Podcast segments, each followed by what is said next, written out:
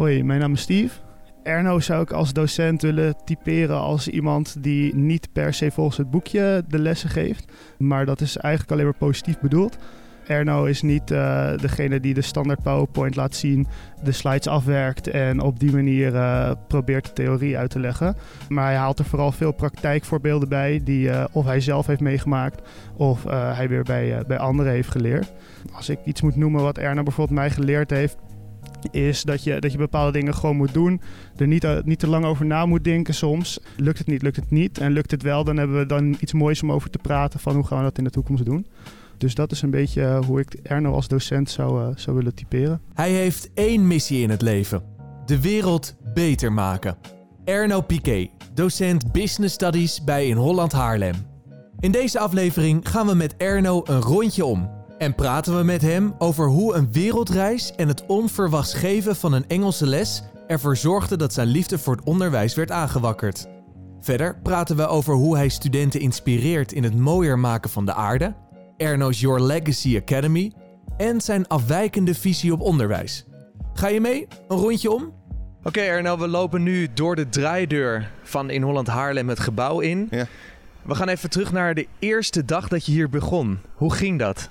Nou, ik liep niet door die hal eigenlijk. Ik kwam hier eh, met de fiets aan. En ik woonde heel dichtbij. Dus ik kwam met het trappetje omhoog. Dan zie je die mooie bol staan. En dan uh, nou, moet je daar even vragen waar je naartoe moet. Ja. Dan zat ik toch in de M-toren. M3 volgens mij. Nee, N3. En dan linksbovenin. Allemaal collega's. Uh, moest ik allemaal namen onthouden. Ik dacht, oh man, uh, onthoud ik echt niet. Ik wist alleen, de enige naam die ik onthoud was Henk. Want er waren drie Henks. Grootste kans dat ik iemand goed had. En toen werd ik door uh, Hans Zaan werd ik ontvangen en ik kreeg wat uitleg over hoe lessen dan gingen. Want ja, ik had nog nooit lessen gedaan. Dus uh, Hans heeft me toen heel veel geholpen met zijn powerpoints. En hoe werd je ontvangen hier? Ik kreeg, uh, ja, ik kreeg volgens mij meteen een bos bloemen mee. En twee dagen later kreeg ik weer een bos bloemen. Toen keek ze me echt aan. Nou, Erno, uh, dit bos bloemen, daar moet je heel blij mee zijn. Uh, meestal uh, krijg je die pas na 30 jaar, weet je wel. Dus um, hartelijk, heel, hartelijk welkom. Hartelijk ja, ontvangst. Dat is leuk. Jij hebt in 2007 een wereldreis gemaakt, onder andere door Rusland, Mongolië, China, Tibet, Argentinië en Nieuw-Zeeland. Ja. En tijdens deze reis heb je een bijzonder moment meegemaakt. Ja. Want dit moment was namelijk het begin van jouw leven als docent. Klopt. Kun je ons eens meenemen in dat verhaal? Ik was best wel natuurlijk lang uh, op reis. Helemaal uh, met de Transmogolië Express uh, naar China. En uiteindelijk kom je heel veel omwegen kom je uit in Vietnam.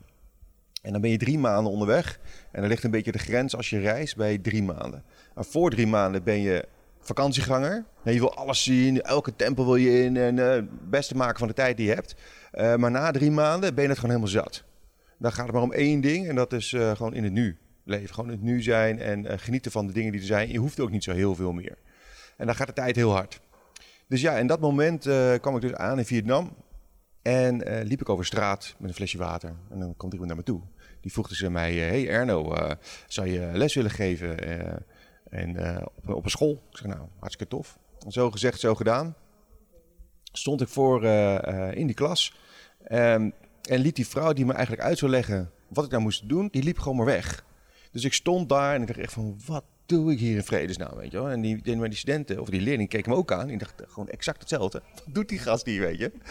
Ja, dat was meteen een klik. Dus uh, ja, na zeven seconden had ik verloren. Als je je onthoudt, lang genoeg. Na zeven seconden praten we iemand. Ja, ik praatte binnen zeven seconden. En ik ben maar gewoon ergens begonnen. En ik kwam terug. Ik werd naar een kamertje begeleid. En er zat mijn vrouw en die zat uh, met een camera erbij. En die vraagde mij, Ern, hoe was het? En als je die kamerbeelden ziet, ik gaf gewoon licht. Ik, ik gaf erg dicht. Ik vond het zo verschrikkelijk vet om met die gasten gewoon aan de gang te gaan. En uh, meer te weten wat ze aan het doen waren. En kijken wat ik kon doen of meegeven aan hen waar ze echt iets aan hadden. Ja, dat, dat triggerde me enorm. Dus toen ik in Nederland kwam, uh, ja, heb ik uiteindelijk gekeken van... hé, uh, kan ik die stap maken? Er is wel wat tussen gebeurd. Maar uiteindelijk de, de beslissing genomen... hé, dit is heel tof om te doen voor het hbo. Dus toen ik hier binnenkwam ja, ik kon echt niet wachten tot ik kon beginnen. Uiteindelijk stond ik voor de eerste keer uh, voor die klas en die zeiden die collega's, super lieve collega's, hey Erno, veel succes hè. En niet zenuwachtig zijn. Ja, zenuwachtig, helemaal niet zenuwachtig. Hm.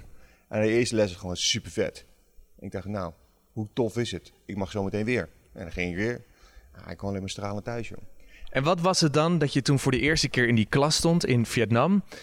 En wat was dat moment dat je dacht van... ja, dit is toch fantastisch. Hier krijg ik zoveel energie van. Was dat, was dat één moment? Of was dat juist het hele totale plaatje... dat je, dat je iets kon overbrengen bijvoorbeeld? Ik weet niet zo goed uh, of, of, het, of het nou één onderdeel is... of ik denk gewoon een, mix van van alles en nog wat. Maar ik denk de basis waar het om gaat... wat, wat ik heel tof vond... dat je, dat je in een positie bent om iemand echt te leren kennen. En dat het mijn nieuwsgierigheid is en mijn vragen zijn dat mensen ook open willen gaan, open, open durven gaan en dan vertellen waar het echt om gaat. En daar kan ik dan iets mee. Ja. En, ja, ik voel me gewoon heel erg bevoorrecht dat ik iets mag betekenen voor een ander. En dat kan ik in deze rol perfect het marketingwereldje. Ja. Want daar heb je uiteindelijk niet voor gekozen. Je bent wel marketingmanager geweest bij Market. Dat is een bedrijf dat zich bezighoudt met het leveren van beursdata. Ja. Als ik dit hoor, denk ik, uh, ik, val, ik val hier slapend neer. Uh, maar jij vond het ongetwijfeld uh, heel erg leuk. Um, waarom heb je uiteindelijk gekozen om dan docent te worden... en niet toch in die marketingwereld te blijven hangen? Ja. Nee, ik had, een, ik had een missie. Die missie geldt nu nog steeds. En dat is dat ik heel graag de wereld een beetje beter maak. En voorheen had ik dat geprobeerd in politiek. Dat is mislukt. Ik ben gewoon geen politiek dier. Gewoon te traag, te langzaam. En de tweede uh, poging die ik heb gedragen van nou, als een heel hoog maatschappelijk in de ladder op hoog klim. Ja, weet je bijvoorbeeld de directeur van worden van Shell, CEO van Shell. Hm. Weet je wel, als ik dat voor elkaar krijg, dan, dan draai ik gewoon de hele wereld om. En in die ladder dat daar naartoe komen, ja, merkte ik dus dat ik gewoon niet de capaciteit heb, maar ook niet het hart heb om zo lang nog door te vechten om daar daadwerkelijk te komen. Dus die marketingmanagement positie die, waar ik vroeger van droomde, ik dacht van nou, dat wordt mijn stepping stone naar een directeurfunctie. Ik was gewoon klaar. Ja, hartstikke tof, uh, leuk werk. Maar aan de andere kant ook gewoon voor mij leeg. Weet de, um, wat ik al eerder zei, wat me zo triggert met studenten om met mensen echt bezig te zijn. En mijn voorrecht zijn dat je oprecht iets kan betekenen voor mensen. Dat element vond ik gewoon niet terug in uh, mijn baan als marketingmanager. Ja, ja, inderdaad. Dus dat is super belangrijk voor jou om die voldoening te krijgen, om mensen beter te maken, om iets bij te dragen aan de wereld. Exact. En dan wil je docent worden, maar het is niet zo dat je zegt: ik ga docent worden, ik ga morgen beginnen, want er is een heel sollicitatieproces. Je had nog geen ervaring. Hoe heb je dat toen aangepakt? Die, die struggle, die, die, hè, waar je ook een beetje naar verwijst, die struggle begon eigenlijk niet toen. Die struggle begon toen ik, een, uh, ik vertelde, ik in Vietnam wilde ik docent worden. Maar dan kom je terug in Nederland. En dan moet je wel een aantal dingen loslaten. Kijk, want als je CEO wil worden van, een, uh, van Shell, dan weet je wat je verdient. Ja, en dat moest ik in eerste instantie wel loslaten. Kijk, ik heb in mezelf geïnvesteerd door uh, Universiteit Nijrode te doen. En ik heb gewoon 70.000 euro moeten neertellen om die opleiding te doen. En 70.000 euro, nou, dat is best wel een jaarsalaris. Meerdere. En dan moet je dat loslaten dat je dat ooit terug gaat verdienen. dus je wordt geen CEO meer van Shell. Je wordt maar docent. Het lastige vind ik met, met mijn denkbeeld over docenten, dat zijn gewoon mislukte managers. Weet je, als studenten zeggen, docenten zijn mislukte managers. En dat was voor mij echt gewoon de, de, moeilijkste stap om overheen te komen. Kijk, dat geld, dat was makkelijk. Om te denken, weet je wat, nou dan blijf ik gewoon dit, dit, dit huis wonen, deze auto rijden, prima. Um, dat ik niet slimmer word in marketing. Omdat ik elk jaar weer hetzelfde boek doe. Nou, misschien volg ik dan wel een andere cursus of zo, weet ik het. Nou, die kon ik ook nog overheen. Maar jezelf in de spiegel aankijken en accepteren dat je een mislukte manager bent. Holy fuck. Dat was wel even pittig. En dat kon ik ook niet zomaar doen. Daar heb ik ook, uh, dus toen ik terugkwam, heb ik ook gewoon een half jaar andere dingen gedaan. Dus ik ben toch weer terug in de sales gegaan, toch weer terug in marketing. Om, er toch, om weer geconfronteerd te worden van... nee, maar Erne, je gaat daar niet je voldoening halen. En toen werd mijn zoon geboren. En uh, ik hield hem voor de allereerste keer dan in mijn handen.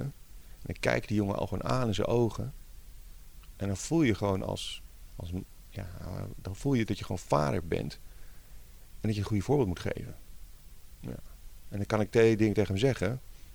Maar jongen, weet je, Klip gewoon die maatschappelijke ladder op, want dat is hoe hoger, hoe beter. Of uh, doe gewoon wat je hart zegt dat je moet doen. Ja, en dat was voor mij de trigger om uh, te doen wat mijn hart zei. En dan te accepteren dat ik gewoon een mislukte manager ben.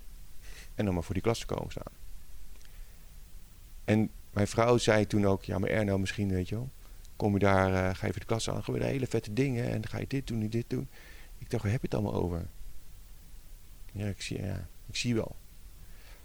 En dat heeft voor mij hè, die stap dat ik hier op school kwam en voor de klas, was gewoon een ontlading hoe tof ik het vond. Je, ook voor mezelf zo gelukkig dat ik die stap had genomen door naar mijn hart te luisteren en te doen ehm, wat mij gewoon een goed gevoel gaf. Dat is gewoon geweldig. En dat ik dat elke dag mocht doen. Ik heb een, bewust een keus gemaakt met wat ik doe. En ik ben er onwijs content mee. En ik zie gewoon elke dag wat ik ervoor terugkrijg. Kijk, voor mij is er ook niet meer zoiets als een betere of gavere functie dan docent zijn. Ik zal de rest van het leven ben ik docent. Alleen het manco is, ik ben ondernemende docent. Wat inhoudt dat ik vaak te ondernemend ben als docent en als ondernemer een beetje te veel docent terug.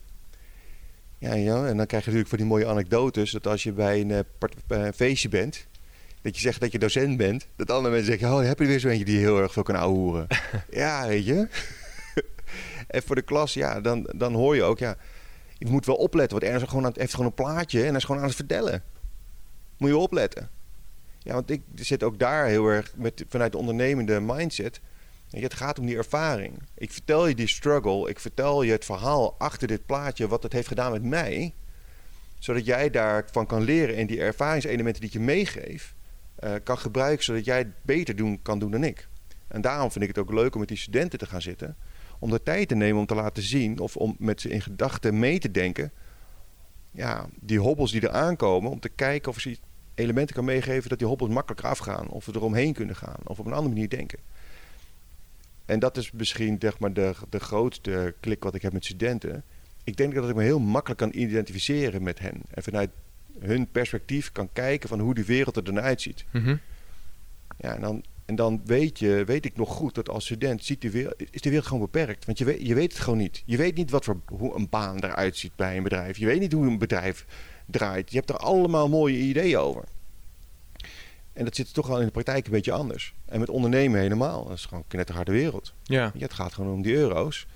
En ja, dan komt nu nog eens een keer bij voor hen dat ze ook moeten nadenken over de omgeving, uh, over de natuur. Ja, nog een hardere struggle. En ik denk, of ik heb het uh, ideale geloof erin, dat als ik er met hen over praat, dat het iets bijdraagt. Ja, en dat, dat geeft me gewoon een goed gevoel. En als we dan ons even verdiepen in de luisteraar, die misschien zelfs in hetzelfde schuitje als jou zit op dit moment. Dus het liefst voor de klas wil staan, maar te maken kan hebben met een omgeving die zegt van nee, ga dan maar voor dat hoogste en ga maar wel voor die managementpositie bij een groot bedrijf. Wat heeft jou heel erg geholpen om uiteindelijk die keuze te maken en hoe ben je uiteindelijk bij in Holland terechtgekomen? De grap is, uh, wat ik tegen die mensen kan zeggen. Kijk, aan het eind van de rit, als je in je kist ligt en er komen mensen komen vertellen over jou, wat wil je dat die mensen van je over je gaan vertellen? Wil je, die, wil je dat die mensen gaan vertellen Oh, ik ga hem zo missen. Want hij had zo'n vette Ferrari. ja, ga je dat verhalen verwachten en willen? Of ga je willen dat de mensen staan die zeggen... Ja, ah man, kut, ik ga hem echt missen. Want hij was altijd voor me. Ik hoef maar te bellen en dan was hij daar. En ik denk, ja, volgens mij je dat laatste. Dus die, die materialisme, die dingen waar we allemaal knetterhard voor werken. Dat mooie grote huis, die vettere auto, dat mooie zwembad, die betere fietsen, whatever. Aan het eind van de rit moet het gewoon geen zak. Je, het gaat erom, wat doe je voor mensen? Wat kan je doen met mensen? Dus als je die roeping ergens voelt om, om voor de klas te staan, ja joh, wat let je? Ja. En dat wil ik je wel bij wel aangeven. Kijk, uh, mocht je dat echt willen voor de klas komen te staan, uh, stuur me een berichtje. Ik regel dat je voor die klas kan staan, een gastcollege kan geven aan, uh, aan studenten en dat gewoon kan voelen. Want daar zit het ook in. Dus ehm, je moet wel, ja, je kan uh, jarenlang studeren, maar je bent docent of je bent het niet. En, en voor zo'n klas zie je en voel je het meteen van wat het met je doet. En als je eerlijk antwoord van mij wil hebben, als je zo'n gastgesprek gast, uh, hebt gedaan, nou, zeg het maar eerlijk tegen me. Of, of, of je van mij een eerlijk antwoord wil horen of je dit moet doen of niet. Nou, dan geef ik het zo mee wat ik heb gezien. Verschillende opleidingen, verschillende type mensen. Maar als het gaat om, om ondernemen, marketing, dat soort elementen klop bij me aan met alle plezier willen kijken hoe ik ervoor kan zorgen dat jij ook die ervaring kan krijgen. Ja, want dat is vaak ook de eerste stap. Doe bijvoorbeeld een gastcollege. Kijk hoe je het ervaart, of, je het, of het je energie oplevert. Zo ben jij ook begonnen. Exact. Maar je had geen papiertje, bijvoorbeeld. Nee. Hoe ben je dat toch uiteindelijk bij de opleiding uh, begonnen? Volgens mij geldt dat nu nog steeds dat als je meer dan drie jaar werkervaring hebt in een speciaal vakgebied, dan zou je dat vak mogen geven. En uh, gelukkig hebben ze hier, uh, uh, ik heb een hele toffe manager. en nu weer een andere manager, maar gewoon goede managers gehad. Die zeiden van Erno, het komt gewoon hier. Je gaat een jaar hier aan de slag. En als dat jaar je goed bevalt, dan gaan we zorgen dat je de tijd krijgt om je didactisch te onderleggen en die opleiding te doen. Zodat je die graad hebt om ook bevoegd te zijn om les te geven. Mm. Dus een jaar lang mag je gewoon dingen gewoon uitproberen, gewoon doen. En als je een jaar later echt die stap wil maken, dan haal je alsnog die graad hier. Dus dat zeg ik ook tegen iedereen. Joh, heb je drie jaar ervaring? Dan, dan kan het. Um, nu is het wel zo, als ik goed heb begrepen, dat je een academische graad moet hebben als je les wil geven. Dus dat is wel een vereiste. Maar volgens mij zijn zelfs daar ook nog programma's voor dat dat ook nog kan. Maar hou me dat een beetje het goede, dan moet je bij mijn manager wezen. We gaan uh, richting uh, J2, want daar is namelijk uh, de docentenkamer. Ja. Hoe, is jouw, hoe is jouw contact met collega's buiten coronatijd? Ik heb hele leuke vriendelijke collega's. Maar ik ben niet zo vaak op die docentenkamer. Dus ik ben niet echt een docent-docent. Ja, ik zie vaak collega's met, met, elkaar, veel met elkaar praten. Ik heb dat een stuk minder. Mm -hmm. En niet omdat ik ze niet interessant vind. Of, uh, maar wat ik, wat, ik heb er gewoon, gewoon nooit tijd voor. Want ik heb altijd, als ik klaar ben met mijn les, heb ik nog allerlei gesprekken met mijn studenten. Want die wil dit weten, die wil dat weten. Ik wil graag weten hoe het met een onderneming is, wat ze hebben gestart of whatever. Ja. En daar ben ik gewoon mee bezig. En op het moment dat ik daarmee klaar ben, is een pauze eigenlijk alweer pleiten. Mag weer naar de volgende les. Ja. Dus ik ben continu eigenlijk bezig met studenten. Waardoor ik niet zo heel vaak op de docentenkamer ben. En ze dan minder spreek. Um, dus dat is één ding. Nou is het wel zo dat ik uh, nu met de afstudie richting ondernemen... dat ik wel heel duidelijk uh, ook een heel, uh, heel tof maatje heb gevonden. Dus Kees. Ja, maar met Kees, die, die zit op de 100% op dezelfde pagina als ik. En wat is die pagina dan? Ja, waar Kees en ik echt fan van zijn... is om studenten ervaringen mee te geven. Kijk, we hebben vaak het idee kennis is macht. Hè, maar we weten allemaal, kennissen, hè, veel kennissen hebben, is machtiger... Dat is één. En een tweede is, ja, informatie is geen kennis. Nee.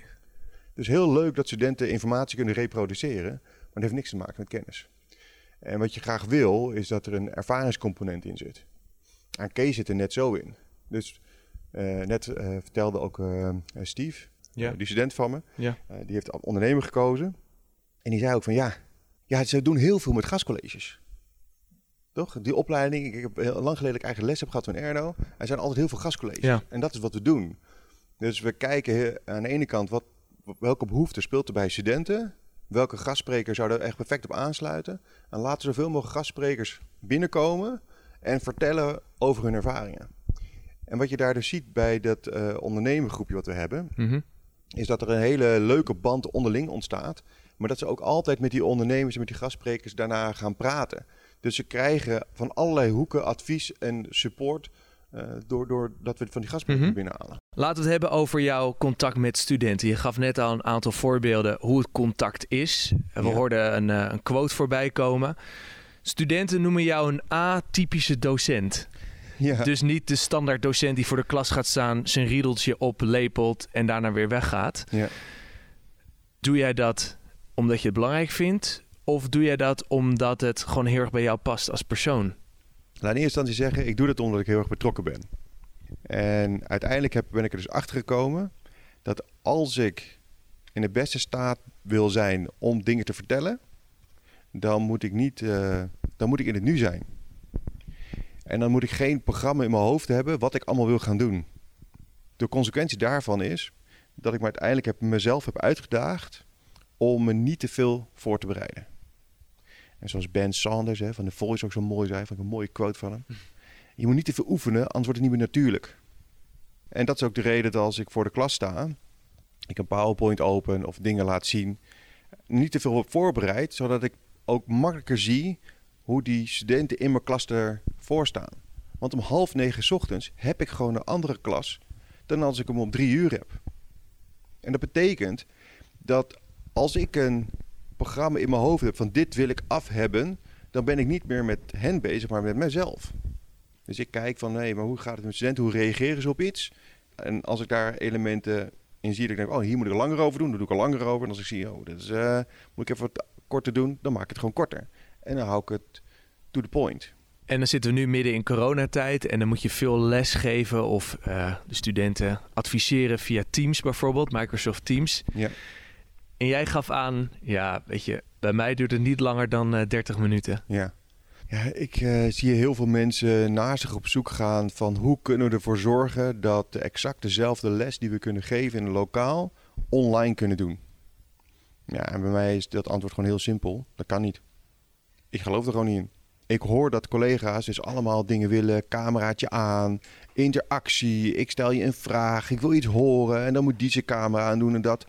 Ja, het vervelende is dat als ik een, uh, als ik een meeting heb dan denk ik ook heel vaak van, ah joh, hou je mond man. Even door naar de, met het punt.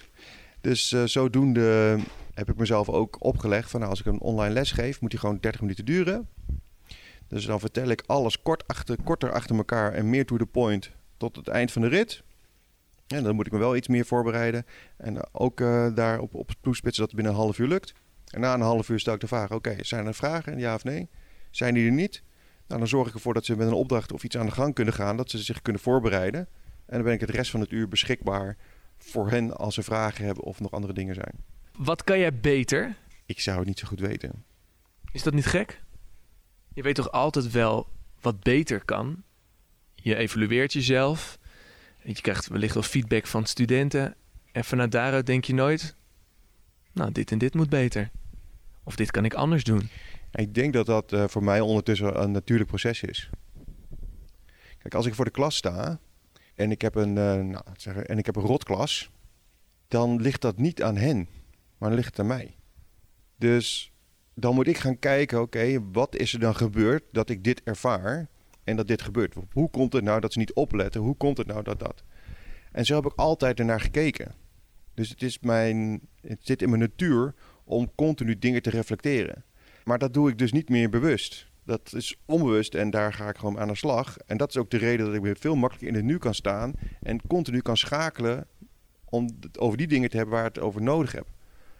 Ja, en als ik daar, dat, als ik daar mis in ga en ik zie dat het niet aanslaat, dan stel ik meteen daar een vraag over of ga ik daar kort in gesprek over om een conclusie te, te trekken of een beslissing te kunnen nemen. Ga, ik, ga ik ermee verder of ga ik een stapje terug een andere kant op? Dus de vraag die je stelt, waar kan ik in verbeteren? Ik denk dat het continu in mij zit om te willen verbeteren. Maar ik kan je niet met vijf duidelijke punten aangeven. Nou, uh, oké, nee, ik moet uh, nog, meer, uh, nog meer digitaal worden. Of nou, ja, nee, ik moet nog creatiever worden in mijn lessen. Nou, ik moet nog meer een nieuwe uitdaging zoeken. Ja, we hebben ook vaak van die IPOP formulieren. Ja. ja, ik ga helemaal kapot erop. ik denk, ja, wegwezen man. Ja, wat wil je nou van me? Ja, nee, ik, word, ik vind dat heel ingewikkeld om mezelf in, de, in die hoekjes te duwen van waar ik uh, wil verbeteren. Dat wil niet zeggen dat ik mijn tekortkomingen niet zie. Ik zie heel veel tekortkomingen. Als ik iets niet kan, heeft me dat nog nooit tegengehouden om het toch te fixen. Wat leer jij van studenten? Ik denk mijn studenten zijn de beste mentors. Dus uh, net hebben we ook zo'n Steve uh, gesproken. En Steve heeft een, een webshop gestart met keepershandschoenen. En dan vraag je hem hoe hij dat gedaan heeft. En, waar, waar, en dan zegt hij weer, eh, vertelt hij weer dingen waar hij tegenaan loopt. Mhm. En zo ben ik er rustig over iets over te nadenken. En dan de volgende keer dan geef ik hem een tip. Of dan vraag ik hoe die dingen zijn gelopen. Maar die dingen onthoud ik. Dus ik weet wat voor type webshop die gebruikt. Ik weet hoe die uh, zijn funnel heeft gebouwd. Ik weet hoeveel hij uitgeeft aan Facebook ads. Ik weet ook wat hij doet op Insta. Ik weet wie zijn target audience is. Ik weet ook hoe succesvol daarmee is. En dan bedenk ik iets om nog die target audience beter te graspen. Of iets uh, zijn producten unieker te maken. En dan vertelt hij me weer van nee, maar wat hij heeft. Um, wat hij daarvan al heeft gedaan en wat niet werkt. Waardoor ik eigenlijk les krijg van hem door met hem erover te praten. En ja, dan is Steve niet de enige. Dan heb ik, dan heb ik een hele rits aan, aan studenten die dat doen. Waar ik continu in gesprek ben. Uh, het is, er zijn altijd studenten geweest die mij hebben getriggerd om meer te doen met mijn onderneming. En als ik aan het ondernemen ben, dan, dan vraag ik dus ook aan mijn studenten om mij op elementen te adviseren. Dus dan weet ik welke webshop ik moet gebruiken. Dan weet ik, oh, moet Shopify pakken. En uh, dan weet ik uh, van, oh ja, dan moet ik kijken naar ads. Oh, zijn ads dan zo duur? Nou, dan kan ik, nee, wacht even, als ze een tientje kosten, ja, maar dan haal ik helemaal geen marge meer over. Moet ik zo en zo doen. Heb jij het opgelost? Oké, en dan, ja. Dus ik leer heel erg veel van studenten. En aan de andere kant, als er dan op iets komt wat ik niet snap, dan kijk ik in mijn netwerk of ik iemand kan vinden die dat wel weet. En dan ga ik met die persoon in gesprek. Dus ik ben continu bezig met, die, met bruggen bouwen. En van elk stukje informatie over en weer ga, sla ik het ergens op. Nou, wat goed. Lijkt me heel tof om elke dag weer heel veel verschillende verhalen te horen van studenten. Ja, super, van super een vet. webshop met keeperhandschoenen tot weer iets heel anders. Ja, het is super cool. Dat is ook de reden, ik, vind- ik vind het gewoon leuk. Ik word er enthousiast van. En dat is ook de reden waarom ik altijd met studenten in gesprek ben. Ja. En niet zoveel bij de docentenkamer hang. Want ik heb er geen tijd voor. Op jouw LinkedIn staat onder jouw naam de tekst: What is your legacy? Ja. Waarom staat het zo prominent in beeld? Uiteindelijk hè, zijn we hier maar voor een hele korte tijd. Maar als je niet goed weet wat je in deze tijd hier komt doen, dan maakt het je misschien ook niet zo heel veel uit wat je doet. En eh, dat kan heerlijk zijn. En eh, misschien ben ik ook wel eens jaloers voor mensen die daar niet hele duidelijke doelen hebben of iets. Aan de andere kant, de downside ervan is, is dat dan eh, heel veel geld verdienen, eh, de wereld eh, toch wel wat kapot te maken ten koste van eh, veel dichter in de buurt komt. En dan moet je heel kort mee terugnemen. Ik heb ooit een keer aan mijn studenten gevraagd: zou je voor 500.000 euro sigaretten kunnen vermarkten aan kinderen van 4 jaar? Ja, en 95% gaat er gewoon mee akkoord. En daar heb ik het dan over met die vraag: oké, maar wat wil je dan in vredesnaam achterlaten? What's your legacy? Wat wil je aan het eind van de rit achterlaten dat mensen het over hebben? En dan snap je in die vraag, als je dat gaat beantwoorden, dat je nooit sigaretten moet gaan vermarkten aan kinderen van vier jaar. En, en dat is continu wat ik bedoel en wat ik merk dat, een, dat, een, eh, dat, het, dat erover nadenken een deur is om uiteindelijk erachter te komen van wat je nou met eigenlijk echt met de tijd wil doen die je hier hebt.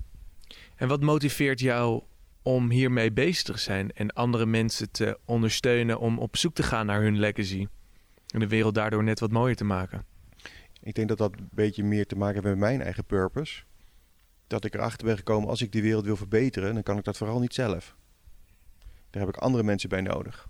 Dus als ik andere mensen kan inspireren of kan triggeren om daar iets mee te doen, nou, dan maken we met z'n allen die wereld een beetje beter. En dan heb ik mijn zin.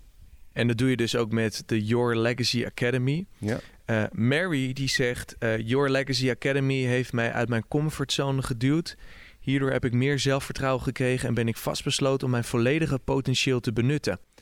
Kun je wat meer vertellen over de methode die jij eh, gebruikt bij de Your Legacy Academy? Ik merk dat er behoorlijk veel mensen op deze planeet zijn die niet zo goed weten wat ze willen met hun leven.